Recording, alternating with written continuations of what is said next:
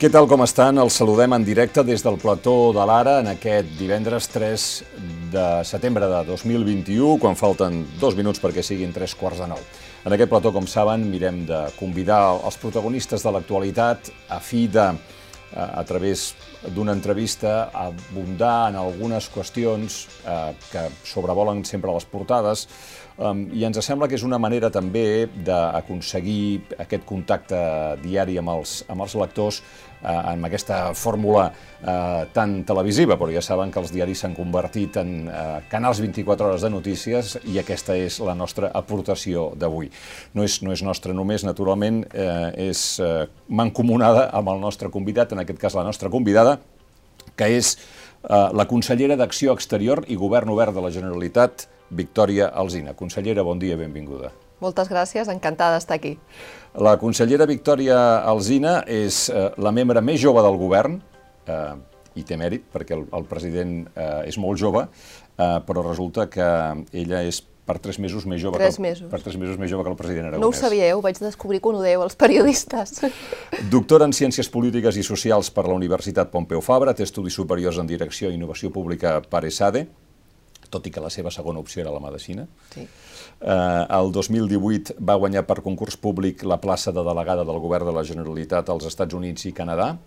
Um, ha estat uh, coordinadora uh, juntament amb Genís Roca, qui vàrem entrevistar aquí del grup d'experts Catalunya 2022, que era el pla amb propostes presentat per sortir de la crisi del coronavirus i per la reconstrucció del país, i um, ara és la consellera, com dic, d'Acció Exterior i Govern Obert, però eh, té una plaça eh, com a professora a la Universitat de Nova York després d'haver passat per, per Harvard. Què és el que l'atrau de la política per haver fet el pas, tenint en compte que vostè tenia una vida, o té una vida acadèmica absolutament encarrilada, i a més internacionalment encarrilada? Sí, ja són déu nhi d'anys eh, que he invertit amb la, amb la vida acadèmica entre la part catalana i després la part americana. Bé, eh, jo tenia la vida, sens dubte, més senzilla, eh, més bon sou, també s'ha de dir, no? perquè a vegades la gent diu oh, la política es cobra molt. No, no, no bastant més bon sou i menys preocupacions, però en el moment en què m'ho van dir-ho jo vaig voler fer el pas endavant. Eh, L'havia fet anteriorment, eh, vaig voler fer la reobertura de la delegació d'Estats Units i Canadà després del 155, quan també doncs, se'm va oferir, se'm va donar l'oportunitat, havia dit que sí aquest últim any que hem estat tots tancats a casa a elaborar i a coordinar aquest grup d'experts del Catalunya 2022 i en aquesta ocasió, doncs, de la mateixa manera, a mi quan m'ho van dir vaig dir, per suposat, eh, sé que no serà fàcil perquè no és fàcil i a més a més exteriors és una cartera que no és senzilla en aquest moment, però també vaig dir que per mi poder formar part del govern de Catalunya era un honor i que per tant feia el pas endavant. Li sembla una experiència avorrida, com diu el conseller Argimon?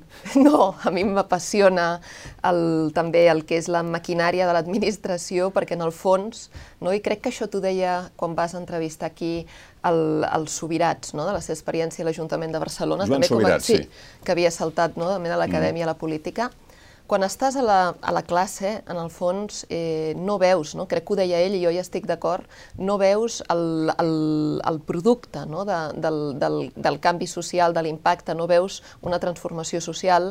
Jo, el meu àmbit d'estudi, també és veritat que és polític, vaig estudiar polítiques, doctora en polítiques, i el meu àmbit precisament també era el govern obert, que és una de les competències del Departament a part d'Exteriors, i l'opció de veure com es materialitzen no? en polítiques i en canvi els, les idees no? I, els, i els projectes, això és molt maco.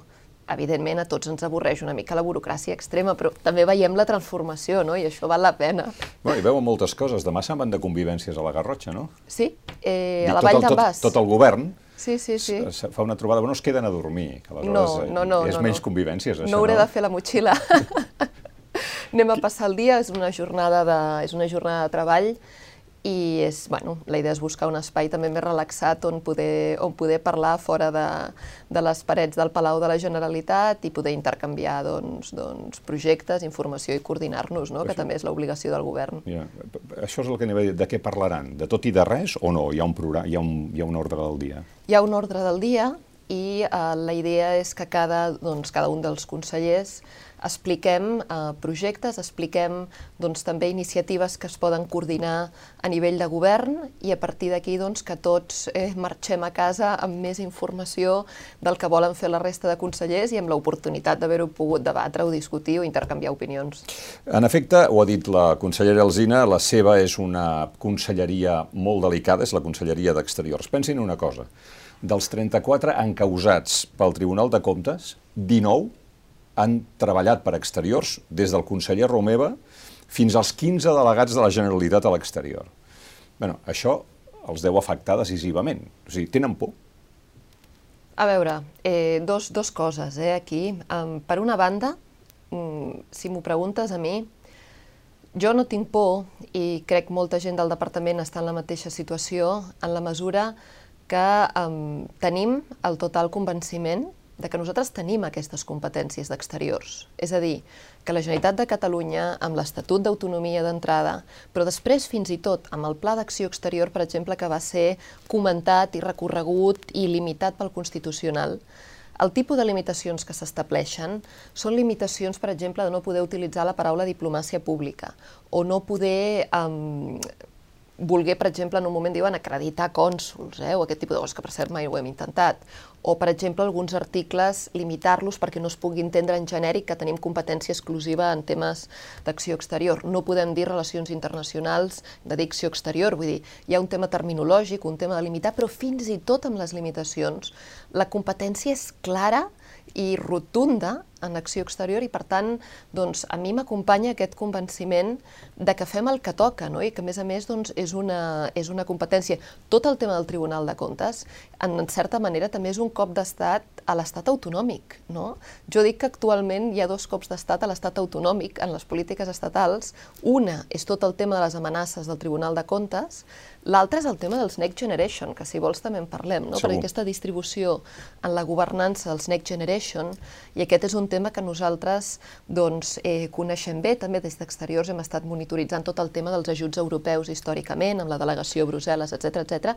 En aquests dos àmbits eh, no es distribueix, eh, no, no és que vulguem més del que hi ha, és que no es distribueix, no es, bueno, no, no, no es respecta no, el que hi ha a nivell dels treballadors eh, de la casa, com tu deies, han estat molts els afectats i a molts nivells. No? Hem tingut càrrecs polítics, però també directius públics i funcionaris que s'han vist doncs, empesos no? en aquesta i, evidentment, evidentment doncs, eh, ens tenen al nostre costat, però la gent està escarmentada, com no podria ser d'una altra manera. Però això vol dir... És el que es persegueix, es persegueix l'amor polític, l'amor civil de les persones no? que s'han causa. Però vull dir, vostè ara, per exemple, pot demanar-li, pot ordenar-li al delegat de la Generalitat a Brussel·les o a Washington que organitzi una taula rodona sobre la independència de Catalunya?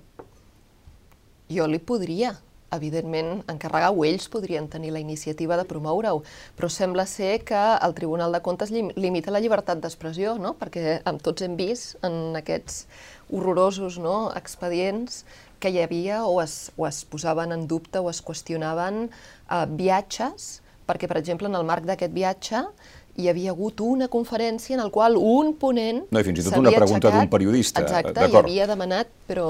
Per tant, per prudència no ho ordenarà, no ho faran. Nosaltres, per prudència, farem el que està en el marc de la llei i, per tant, farem tot el que creiem que hem de fer. Jo no vull que el Tribunal de Comptes em dicti el que hem de fer o no. Al mateix temps, eh, nosaltres també crec que hem de ser intel·ligents en maximitzar la nostra capacitat d'acció exterior sense posar en risc a cap dels treballadors i a cap de les persones doncs, que està al servei de, de la Generalitat en aquest àmbit. Bueno, sàpiga que, a més a més, Pablo Casado, suposo que ho va llegir l'altre dia, va dir a Barcelona, en un acte que va fer al Hospital de San Pau que cuando lleguemos al gobierno será delito el referéndum ilegal, la rebelión sin violencia, prohibiremos indultos a sediciosos, adoctrinamiento escolar, propaganda de medios públicos i el Diplocat. Estan obsessionats amb el Diplocat. Um, tenen motius? el Diplocat ha estat una eina fantàstica al, al servei d'una cosa molt important, que és la diplomàcia pública, Diplomàcia n'hi ha de molts nivells, no? i la diplomàcia pública inclou diplomàcia eh, vinculada a temes culturals, la diplomàcia acadèmica, esportiva, gastronòmica, de promoció de la marca Catalunya. Diplocat és una excel·lent plataforma per fer-ho, a més a més, clar, Diplocat no només hi ha la Generalitat, no? tenim el món local, tenim plataformes empresarials, tenim una sèrie d'entitats que, a més a més, està bé que tinguin un espai per treballar juntes. Diplocat ha quedat molt tocat, Ara actualment estem en un procés de revisió dels estatuts i la idea és tornar-lo a impulsar i aconseguir doncs, que aquesta eina que està al nostre servei estigui al servei de Catalunya com ha de ser. Quina és la percepció que hi ha a l'estranger sobre la posició del govern de la Generalitat i del procés de la independència a Catalunya? Vull dir, els indults han rebaixat l'interès eh, sobre la carpeta catalana o els indults han fet que Catalunya deixi de ser una carpeta a les taules dels ministres d'Exteriors i fins i tot dels presidents de governs o cancellers? M'agrada que parlis de carpetes, jo sempre també ho utilitzo, perquè en funció de quina carpeta et posen, no? estàs, estàs en una prioritat o una altra. Una època hem estat a una carpeta de vulneració de drets humans, després estem en la de drets polítics i civils, etc etc. Aquí el risc, en la situació actual, és que ens posin a la carpeta d'assumptes interns. Quan et posen a la carpeta ja dels assumptes interns d'un estat, a nivell internacional, doncs que et rebin, que considerin que el tema rellevant és molt més complicat. Per tant, jo crec que des d'exteriors, sempre ho fem, no? però una de les missions importants, més enllà doncs, d'explicar eh, la visió del govern, d'un govern democràtic que té dret internacionalment com a part de la plena normalitat democràtica d'explicar eh, i compartir doncs, eh, quina és la posició del govern. Jo crec que hi ha una feina especialment important, que és dir, escolta, el conflicte no està tancat, una bona mostra d'això és la victòria política no?, que es va tenir en el Consell d'Europa, que molta gent diu, oh, no és judicial, no és vinculant. No, no, aquella és una victòria política.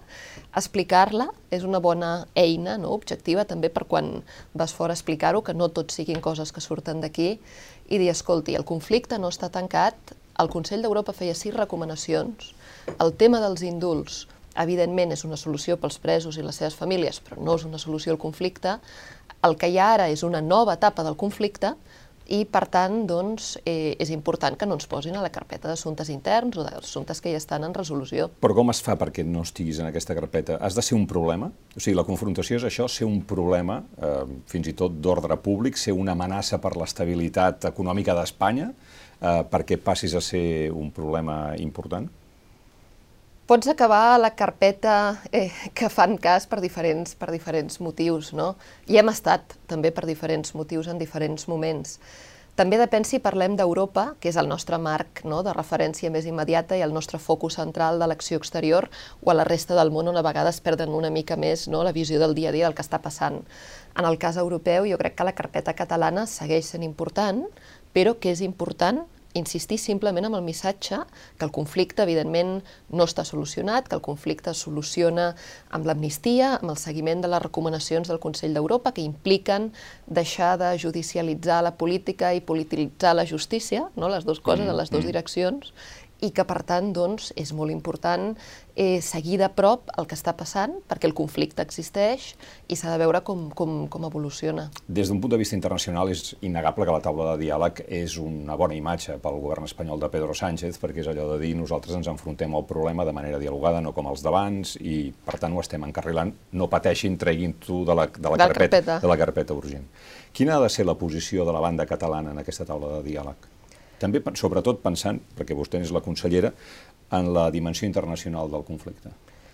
Jo crec que a vegades diuen, però s'asseuran a la taula de diàleg. Jo crec que els catalans mai s'han aixecat de la taula de diàleg. No? És una taula que ha estat sempre a disposició de que el govern espanyol s'hi assegui i faci una proposta concreta de com es pot solucionar un conflicte que és polític, que no s'ha de judicialitzar, i que, a més a més, doncs, eh, amb el cas escocès sobre la taula, i aquest és un element també important a introduir a la, a la conversa, doncs es veu clarament que la relació entre Londres i Edimburg es basa en uns principis democràtics i no està tan clara que la relació Madrid-Barcelona doncs, estigui al mateix nivell. El cas d'Escòcia ens ajudarà a nivell internacional a explicar la meva experiència és que en l'anterior referèndum, i en aquell cas ho vaig viure des dels Estats Units, la cosa escocesa, el món anglosaxó, posava a l'agenda i arrossegava el cas català. No? I per tant jo crec que ara el que em deies, el moment polític, i t'ho lligo, és a dir, per una banda, el risc de que ens posin el conflicte ja està resolt, això ja hi ha una via, no ens hi hem de preocupar, al mateix temps, el cas d'Escòcia i l'agenda, i a més que s'hagi pactat amb el Partit Verd, i que hi hagi doncs, aquest llindar de suport al referèndum que nosaltres el tenim aquí de manera estable molt per sobre, 10 punts per sobre del que exigeix Escòcia, etc etc. doncs això ens ajudarà a posar-ho a l'agenda. Um, però sobre què es pot parlar i no es pot parlar en una taula de diàleg? Perquè vostè invocava els principis democràtics entre Madrid i Barcelona. Um, bé, la, la narrativa del govern espanyol és molt clara. Un referèndum d'autodeterminació no hi cap a la Constitució. Catalunya no és una colònia. Um, la ministra Raquel Sánchez, alcaldessa de Gavà fins fa molt poc, va dir dimecres a, a, a Catalunya podem parlar de tot, però sabem que el govern espanyol no pot concedir allò que no està a la seva mà i no es pot demanar el que és impossible acceptar. Tothom sap que qüestions com l'autodeterminació i l'amnistia no tenen cap sentit perquè ens hem de circunscriure a les lleis i a la Constitució. Però com se salta aquest obstacle? Primerament, jo et diria que el punt de partida del govern català també és molt clar. Per tant, tenim dos punts de partida que estan molt separats, no? com, com tu mateix deies. Per una banda, el govern català, que ja ha manifestat doncs, que té com dos premisses d'entrada.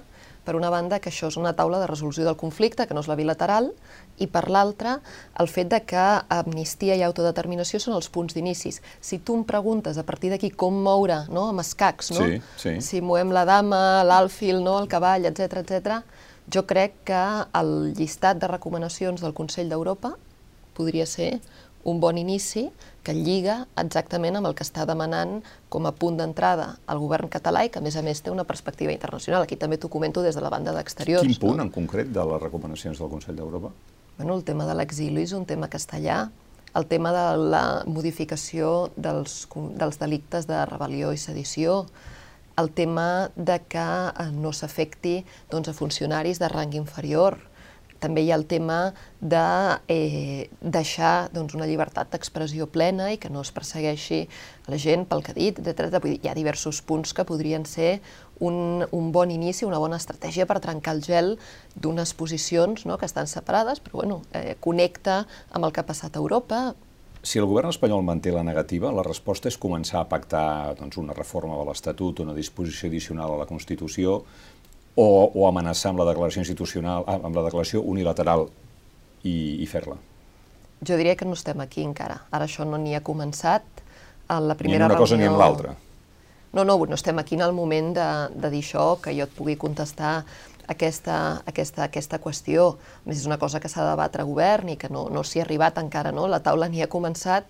De moment el que s'està discutint i, i, i ja es veurà, ja se sabrà doncs, els propers eh, dies, eh, en algun moment imagino, eh, dic, estic parlant sense saber la concreció de quan, de la setmana vinent, doncs, eh, qui seran els membres, la composició d'aquesta taula, quin serà l'ordre del dia de la primera reunió, etc etc. Vull dir, la cosa ja, això d'aquí d'aquí unes setmanes o d'aquí uns mesos doncs potser es pot donar una resposta. Què li van semblar les paraules del papa en una entrevista a la COPE dient preguntat per Catalunya que Espanya havia, hauria de reconciliar-se en la seva pròpia història. Eh, creu que, i, i, i parlant de Kosovo i de que hi ha hagut independències a Europa, el papa Francesc ha normalitzat el debat sobre la independència de Catalunya? L'ha posat eh, sobre la taula més enllà del que estem acostumats, no? en un espai com és el de l'Església, ell és eh, sempre vocal i opina en temes de política internacional, no és el primer cop que ho fa, ho ha fet també sobre altres qüestions, vaig escoltar amb, amb molt interès, no, no ho havia, vaig veure al cap d'unes hores i m'ho vaig llegir i ho vaig escoltar amb interès, no? perquè sens mm. dubte ell és un referent... Bueno, a més eh, és un cap d'estat. Sí, és amb ambaixadors a tot el món. Sí, sí, i de llarga tradició. Eh, per tant, doncs, ell és una persona extremadament influent en el món i és important escoltar i tenir en compte el que diu, molta gent ho escolta, no? Per tant, eh, en aquest cas doncs, jo avaluo positivament el, el comentari que ell va fer. Mm. Uh, es va entendre el referèndum de l'1 d'octubre a, a fora i la declaració d'independència?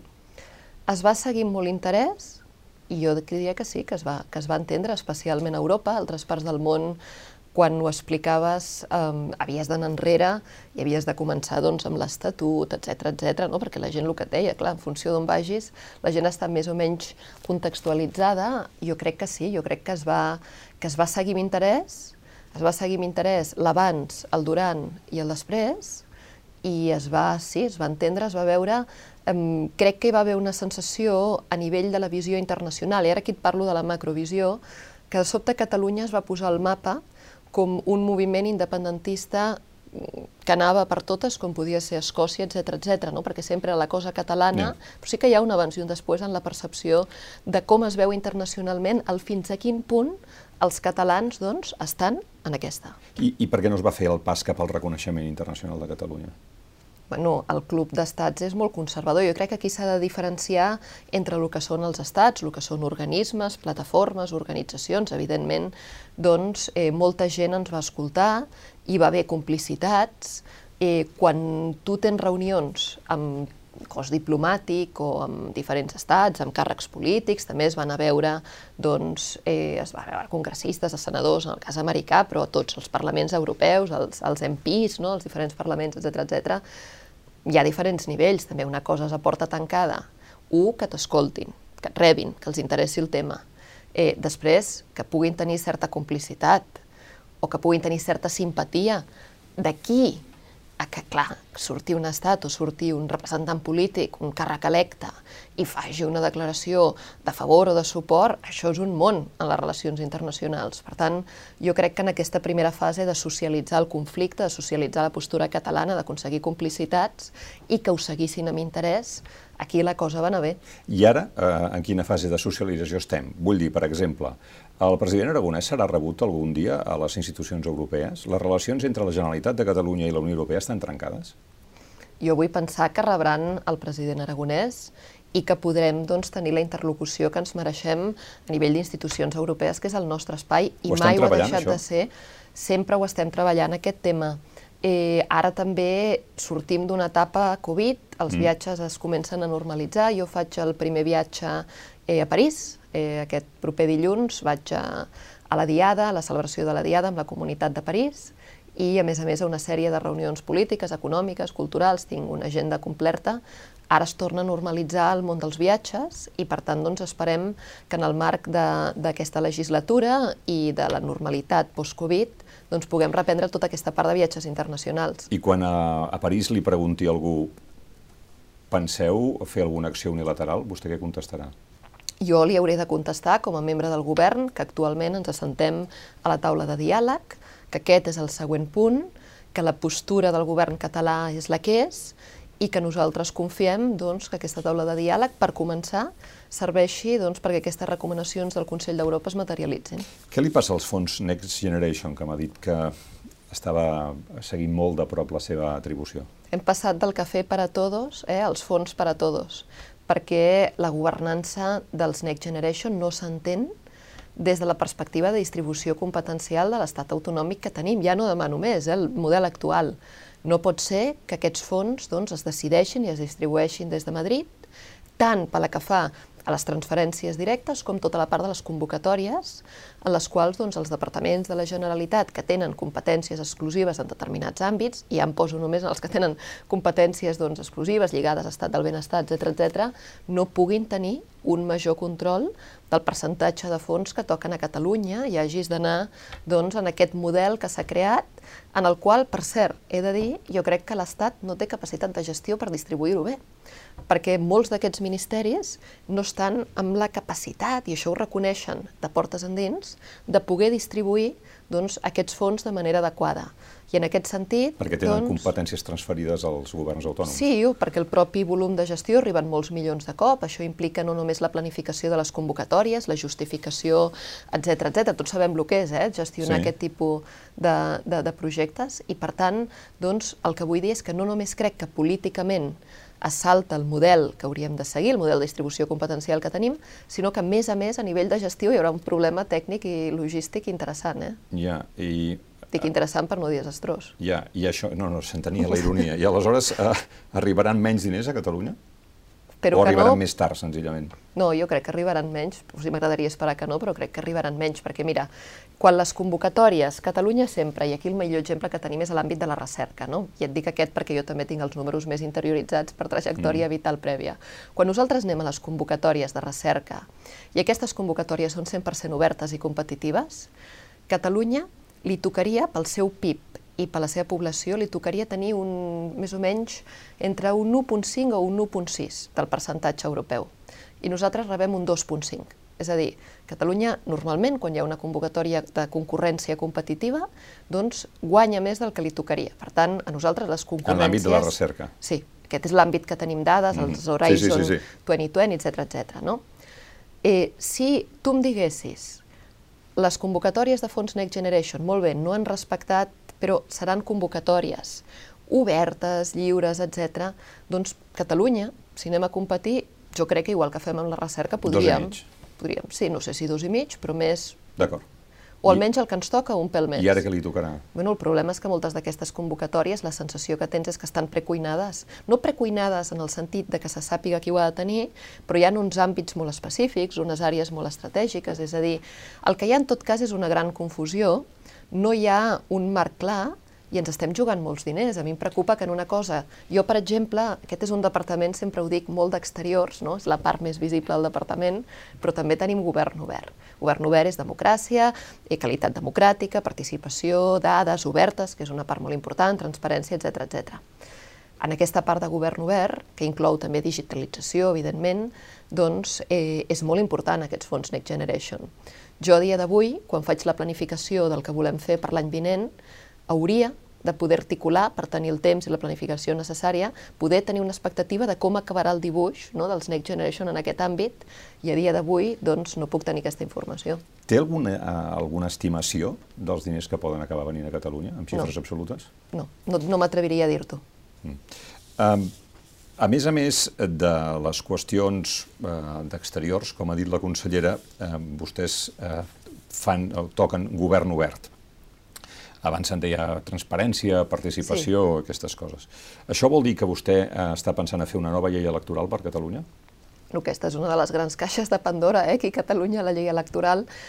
Jo, en concret, eh, això és una cosa que s'ha de moure a nivell de partits, de departament. Si em preguntes a mi personalment, jo crec que seria bo i a mi m'agradaria veure aquesta llei electoral catalana perquè ja no és només fer la llei i tenir el debat i elaborar-la, sinó que efectes de temes com la Junta Electoral Central, el vot electrònic, etc etc, una llei electoral catalana permet mapejar-ho i permet ordenar-ho.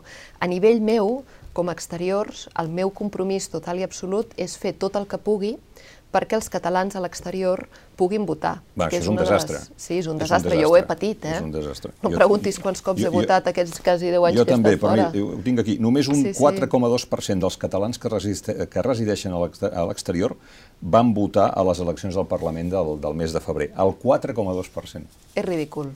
De fet, estàs vulnerant un dret, el dret això, de sufragi no, no. universal. Sí, sí. Llavors, en aquest sentit, pel mi el tema de la, de la comunitat catalana a l'exterior és molt important. Són quasi les estimacions, entre els temporals i els permanents, unes 400.000 persones eh, que hi ha fora.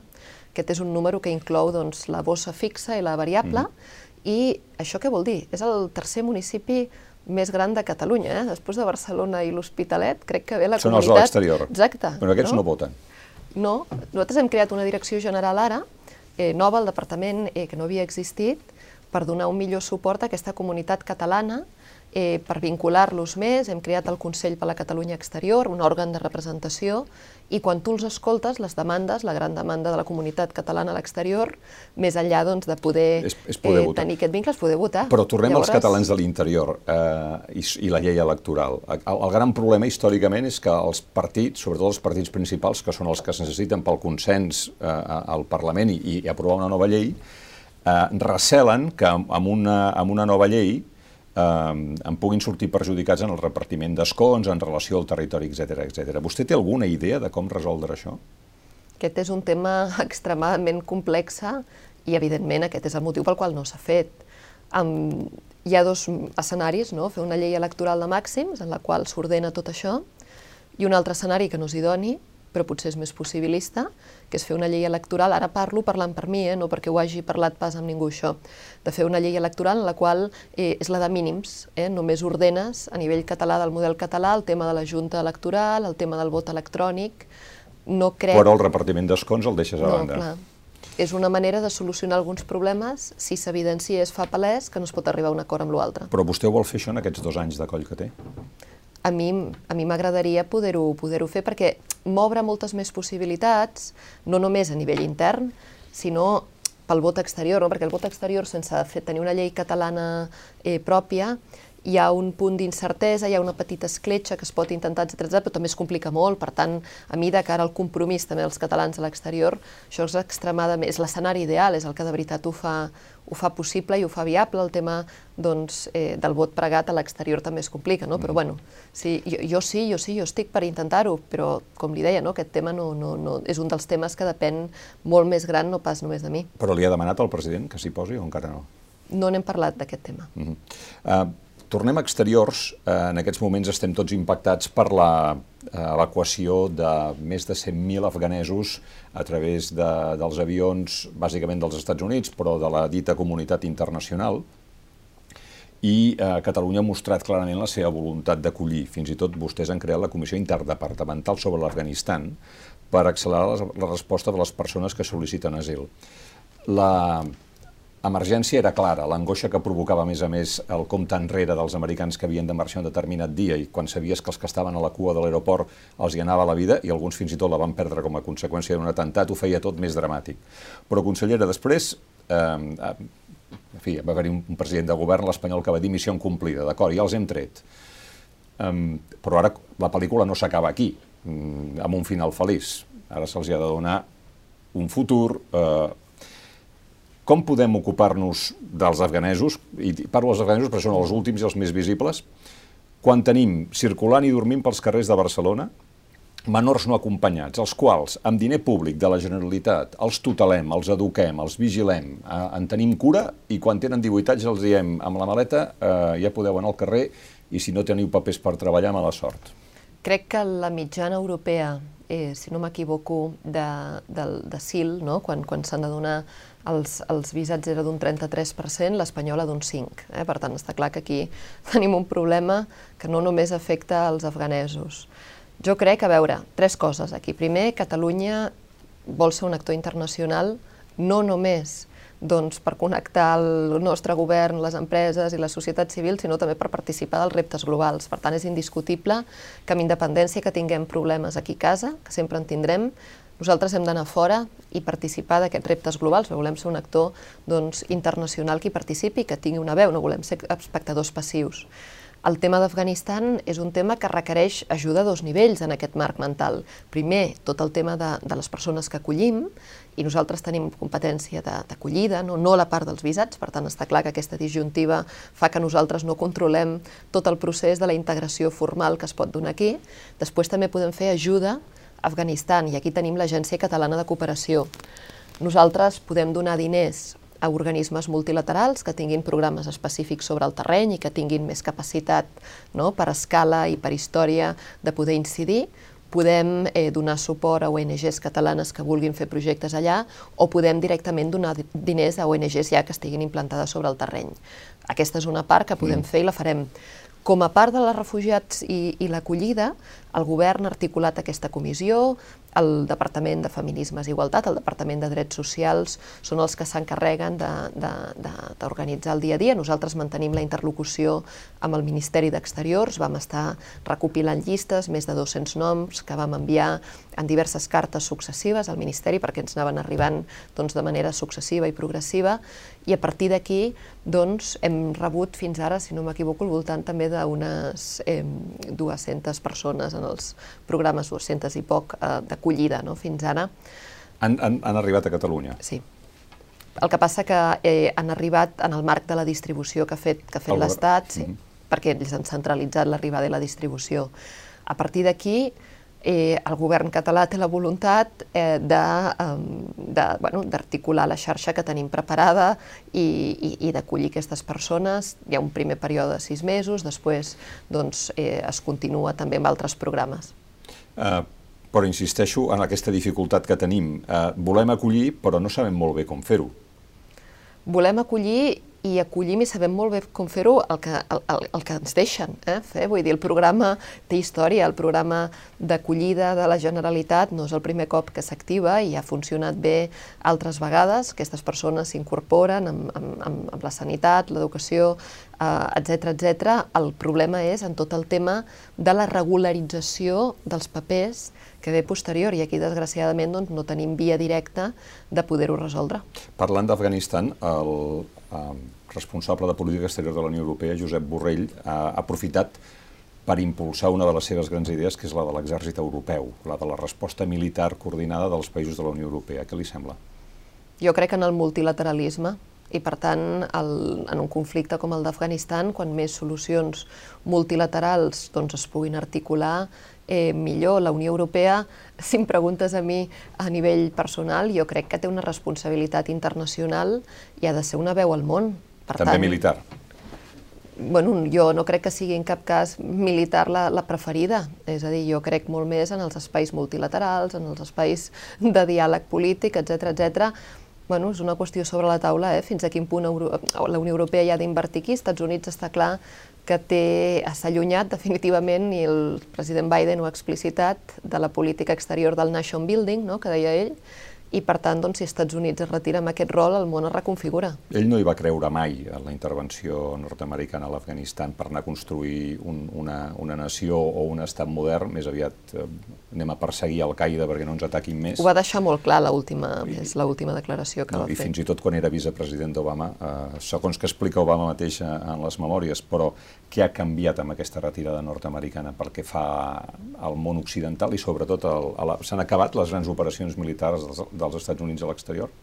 No, però crec que les focalitzaran en, en, en temes de contraintel·ligència, en temes de um, terrorisme, en temes geoestratègics. No? Els temes geoestratègics, si són molt importants per als Estats Units, ja veurem com s'acaba configurant. El que està clar, i jo crec que aquí el govern americà es mantindrà ferm, eh, serà, doncs, en, en el cas d'Afganistan, de fer un damage control, no?, que diuen... Un eh, control de danys. Sí, exacte. Eh, per cert, parlant d'intel·ligència, avui el New York Times publica, també se'n fa ressò el periòdico, una informació segons la qual eh, una persona molt pròxima al president Puigdemont, el senyor Alai, hauria tingut contactes amb una persona russa que estaria també contactada amb els serveis secrets russos, als quals els hauria preguntat en un determinat sobre mm, possibilitats de finançament i fins i tot d'involucracions xineses. En sap alguna cosa? Mira, en, no ho he pogut llegir amb, amb, amb diagonal. Um, ahir vaig tenir un acte al consulat italià fins molt tard i aquest matí, per motius obvis, venia cap aquí jo tinc el New York Times encara de la mala costum americana de tenir-lo al mòbil i mirar-lo cada matí, ho he escanejat, eh, no, no ho he llegit amb deteniment, eh, per tant, doncs aquí no, no, no, no, no et puc dir massa cosa, eh, perquè és que és tot molt, molt, molt recent.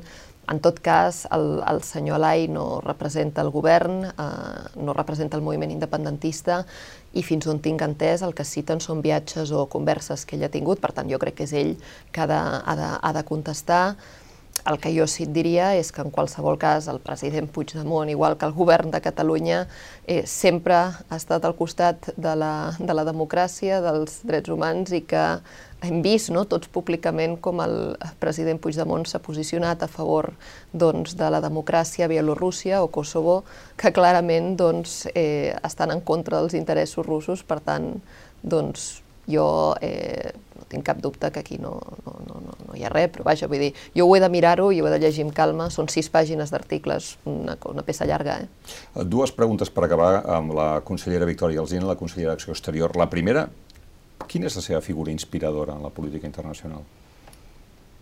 Mm. D'ara o del passat? Aquesta és una molt bona eh, pregunta. No sé si te'n diria, no sé si te'n sabria dir una única, a mi, de la política, de la política internacional, m'agrada la gent que té, una, que, que té una visió clara i la manté, la manté estable. No? A mi, eh, en el cas nostre, a mi el que m'agraden és els que han apostat per l'europeisme. Jo crec que Europa és el nostre espai de, de, de, de referència i, i aquí hi ha hagut grans europeistes. No? Eh, a mi m'agrada, m'agrada les persones que han cregut en Europa al principi, que hi creuen ara i que hi segueixen creient, jo també hi crec, no? Això per dir-nos del nostre marc més immediat de, de referència. Catalunya, eh, amb això té llarga tradició no? d'europeistes. De, a mi em, fa, em, fa, em sap molt greu eh, tot el moviment internacional que hi ha anti-Europa, eh, desafecció política amb la Unió Europea, que també s'entén, eh, però jo crec que Europa és un valor encara a protegir. Per tant, jo et diria que tota l'escola i tota la tradició doncs, d'europeistes és, és, és per mi el referent. En aquest sentit, la retirada d'Angela Merkel és una pèrdua? La història haurà d'analitzar molt bé la figura d'Angela Merkel. Eh, Angela Merkel eh, jo crec que ha, fet, ha, estat una, ha estat una bona presidenta per a Alemanya. A nivell europeu, aquí ja t'hauria d'entrar en diferents moments. Per Alemanya crec que ha estat bona. I acabo. Acostumada que li posin notes, perquè els professors als Estats Units se'ls puntua i estan en rànquings i els alumnes són molt beligerants amb les eh, actuacions dels seus professors. La pàgina es diu Rate My Professor, yeah. i aquesta tots la miren. Quan va marxar, quin, quin rating tenia? Quin rating tenia? És sobre 5, eh? Per sí, tant, sí. un 4 en 8. Un 4 en 8, no està malament. Acostumat a dir que li posi notes per la feina que fa, per quins indicadors l'hauríem de jutjar al final de la seva eh, de, de, de, de la seva presència en el càrrec? Què és el que hauria d'haver aconseguit o no? En el cas d'exteriors, jo crec que la meva principal missió estructural a nivell de mandat ha de ser solidificar i consolidar l'acció exterior de la Generalitat. Aquest és un departament jove que neix en un moment complicat i que, a més a més, ha patit el que ha patit. Nosaltres, com a, com a país, ens mereixem una acció exterior que sigui sòlida, que sigui eh, ampla, que tingui una mirada ampla, no? que participi dels reptes globals, que estigui al servei doncs, de tota Catalunya, de totes les empreses i entitats, i aquest a mi m'agradaria que fos doncs, el, el meu gran objectiu macro, la consolidació. Això vol dir que el departament cohesioni millor l'acció exterior de tots els departaments de la Generalitat. Vol dir que donem un millor servei també al món local que es vol internacionalitzar o tenir projectes fora que ens coordinem amb la societat civil i amb els interessos que tenen i que també els protegim, que el seu govern, el govern de la Generalitat, protegeixi projectes internacionals. Això vol dir que atenguem millor a la Catalunya exterior i això vol dir que maximitzem la xarxa de delegacions, de delegacions que tenim fora i que les posem al servei doncs, dels, interessos, dels interessos catalans. Això vol dir ser molt més que una oficina comercial. Sí, bueno, oficines comercials també en tenim, no? que són acció, funcionen molt bé. De fet, per cada euro que s'inverteix en retornen 166, i això són bons números, però jo crec que el departament ha de tenir aquesta macrovisió política i la meva tasca com a consellera és consolidar-lo perquè això és una de les grans eh, eines no? que considero que podem deixar al país. I de govern obert? De govern obert, fer un salt qualitatiu en l'àmbit de les dades obertes, de la col·laboració público-privada per integrar aquestes dades i de la transformació perquè aquestes dades eh, acabin tenint impacte en la presa de decisions en el propi govern. Victòria Alzina, consellera d'Acció Exterior i Govern Obert de la Generalitat. Moltes gràcies per haver passat pel plató de l'Anna. Gràcies a tu i gràcies a tots vosaltres. I a vostès també per haver-nos vist. Esperem els seus comentaris al peu de la finestra on ens han vist, si és que ho desitgen. I ja saben que tenim eh, cites recurrents als matins des d'aquest plató en directe amb els protagonistes de l'actualitat. Fins una pròxima ocasió.